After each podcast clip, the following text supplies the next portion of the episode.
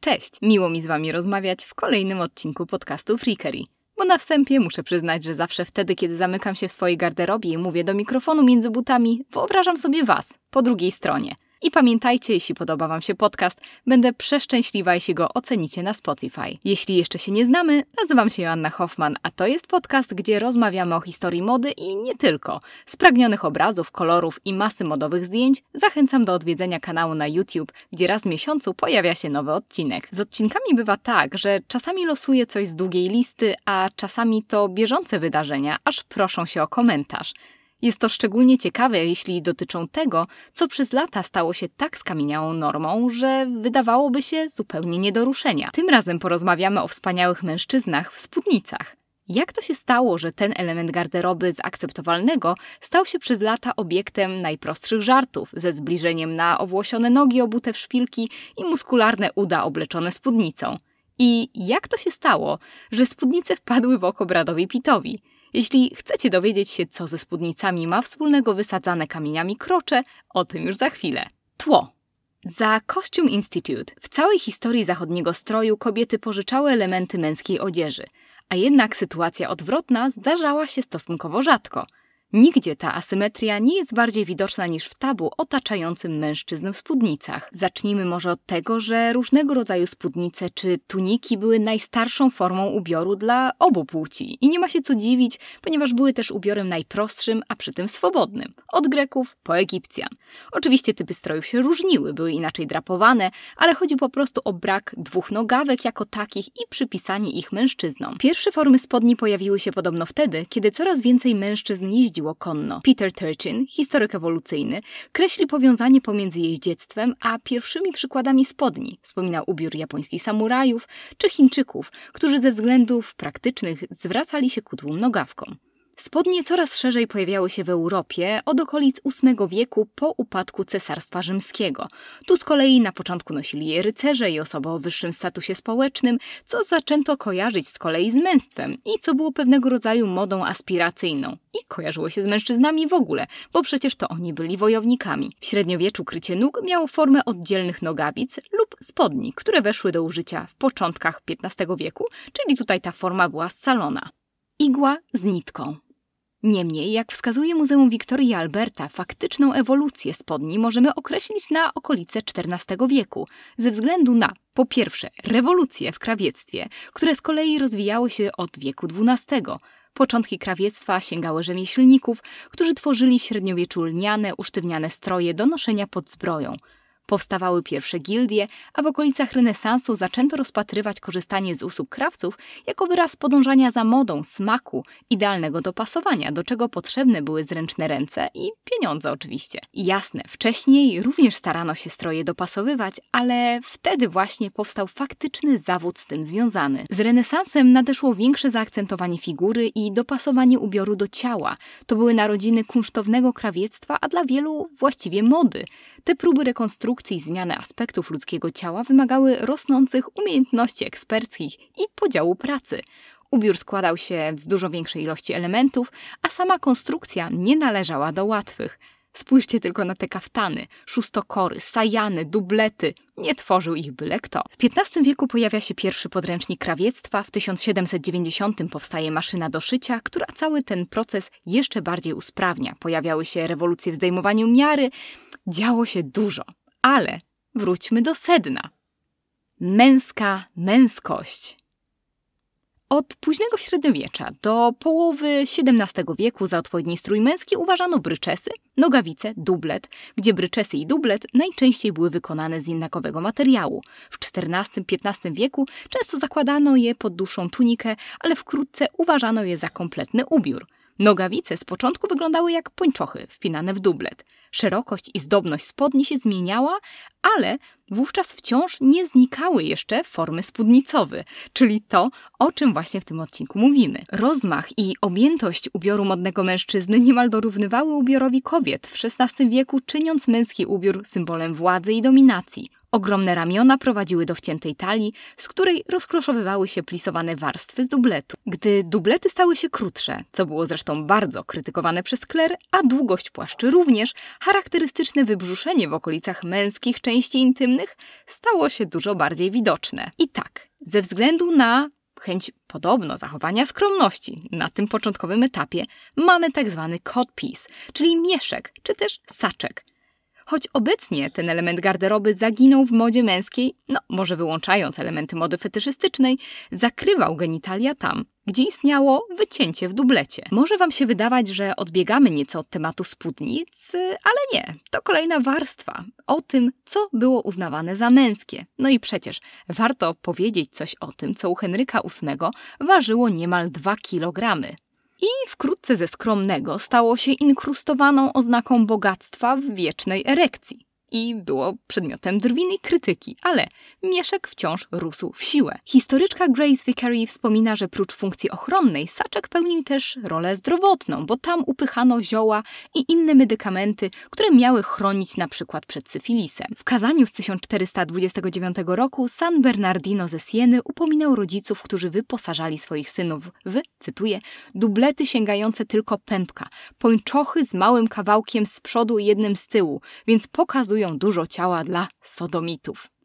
W 1463 roku w Anglii parlament Edwarda IV nałożył na mężczyznę obowiązek zakrywania cytuję znowu, swojego członka i pośladków. Saczek był również związany z męskością widzianą przez pryzmat bycia odważnym wojownikiem. Był częścią stroju niemieckich, szwajcarskich najemników. I teraz dalej.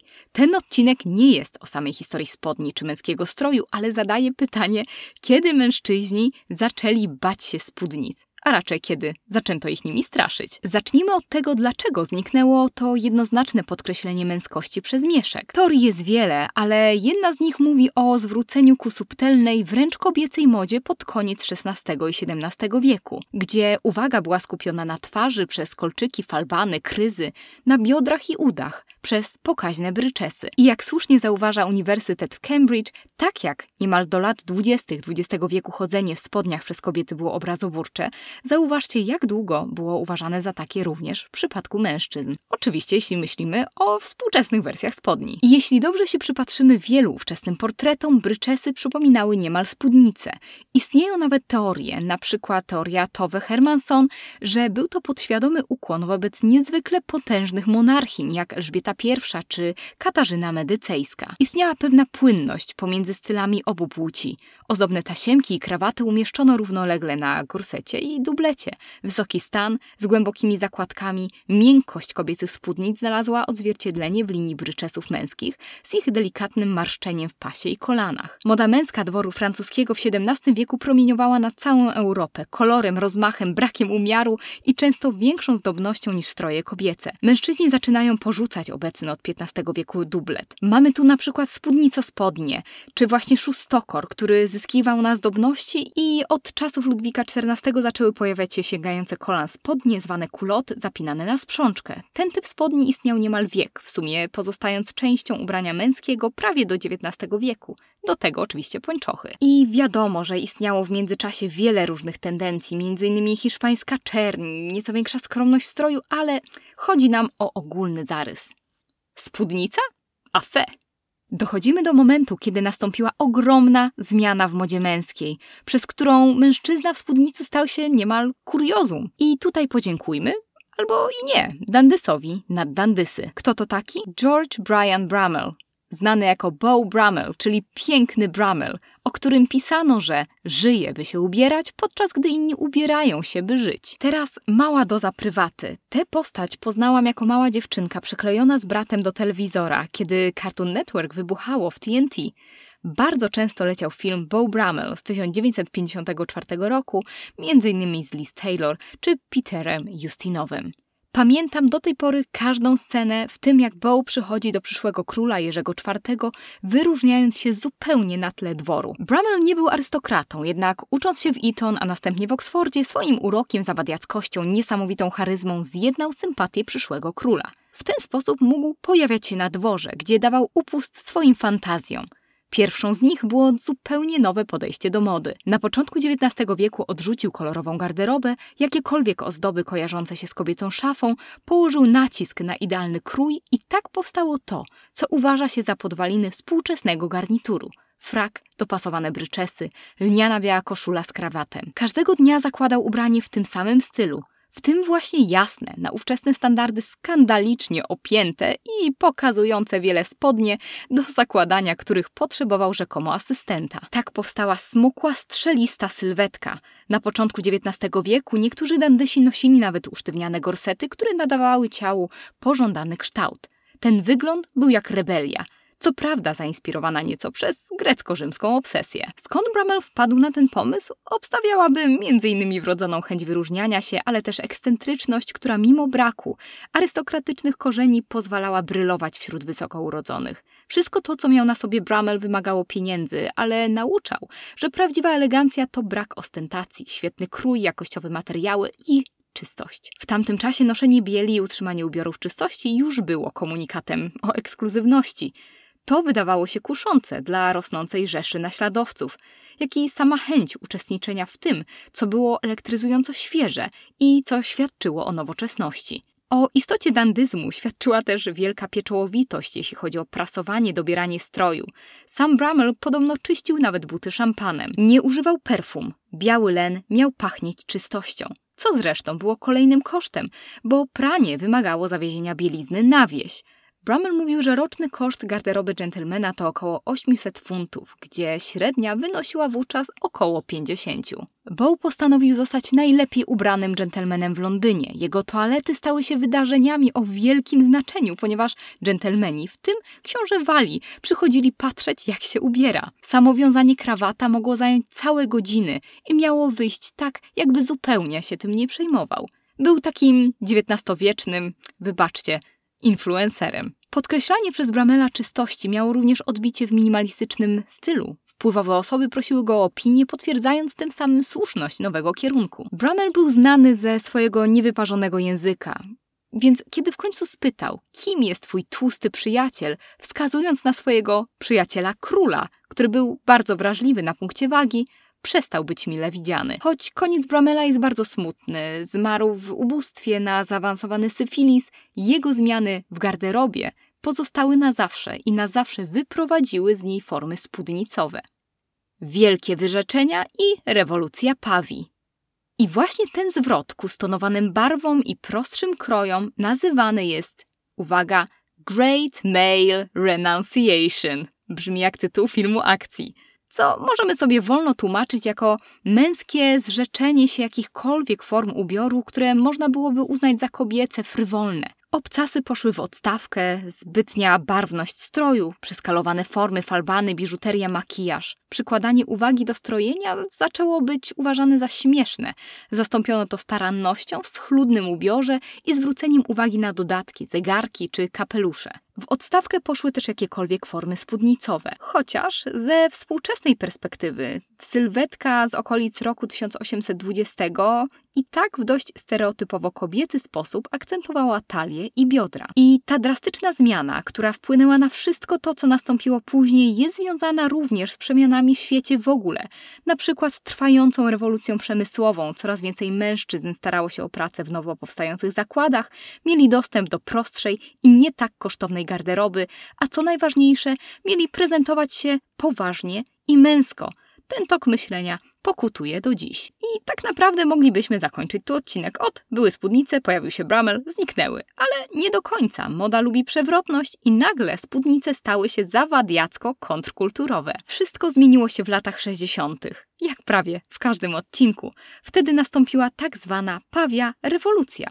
Pojawiały się nowe sylwetki, na które duży wpływ wywarł słynny krawiec Tommy Nutter. Po latach nowa generacja mężczyzn znowu zaczęła bawić się modą. Tak jak Nutter tworzył garnitury zarówno dla mężczyzn, jak i kobiet, ubierając na przykład Beatlesów, seksualna rewolucja lat 60. czy glamrokowa estetyka lat 70. igrały z tradycyjnym pojmowaniem tego, co damskie i męskie. Powróciły kolory, zdobność, długie włosy i sięganie do przeszłości. Zobaczcie tylko Erla Litchfielda, taki Brummel po LSD. W głowie pojawiają się konkretne obrazy, Beatlesi w kaftanach, Mick Jagger w Hyde Parku w stroju, który nawiązywał nieco do dubletu. Oczywiście David Bowie. Później cały mm, ruch New Romantic, za co możemy podziękować z kolei Vivienne Westwood. Zobaczcie, to ciekawe, że wszystkie wpływy spotykają się też w okolicach XVIII wieku, jakby w ostatnim momencie, kiedy męska szafa była tak kolorowa i różnorodna. A grunge? Kurt Cobain w sukience, chłopaki z Red Hot Chili Peppers, można by mnożyć przykłady. Costume Institute ciekawie zauważa, że wiele alternatywnych grup widziało spódnicę jako przyszłość mody męskiej. Hipisi w utopii bez jakichkolwiek podziałów. Ten sposób myślenia wpłynął na przykład na Rudiego Genreicha, który promował modę uniseksową. Wszystko to, o czym przed chwilą powiedziałam, nigdy nie weszło do mainstreamu i nie miało. Miało płynąć pod prąd.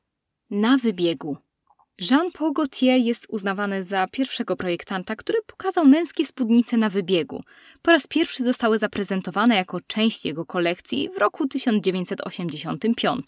Jak sam mówił, chciał podważyć męskość i kwestionować stereotypy dotyczące odzieży. I później przez lata nie widział niczego szczególnie dziwnego w ubieraniu mężczyzn w gorsety, sukienki czy spódnice. Później było wielu projektantów, którzy traktowali spódnicę jako środek do wprowadzania nowości do męskiej garderoby, redefinicji przekraczania moralnych i społecznych granic. Co z kiltem?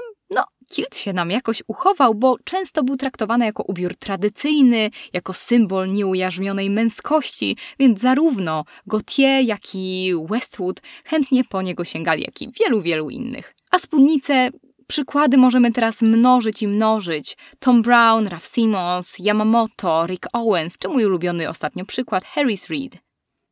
Powrót spódnicy. Wszystko to, o czym mówimy, udowadnia, że ubiór jest społecznie uwarunkowanym wytworem i nie zaczął istnieć w jakimkolwiek sztywnym podziale. Przez lata długie szaty były noszone przez dzieci obu płci, również ze względu na wygodę toalet i oczekiwania na moment przejścia. Zobaczcie zdjęcie Ludwika XIV i jego brata, który jeszcze nie przeszedł rytuału zmiany garderoby na spodnie.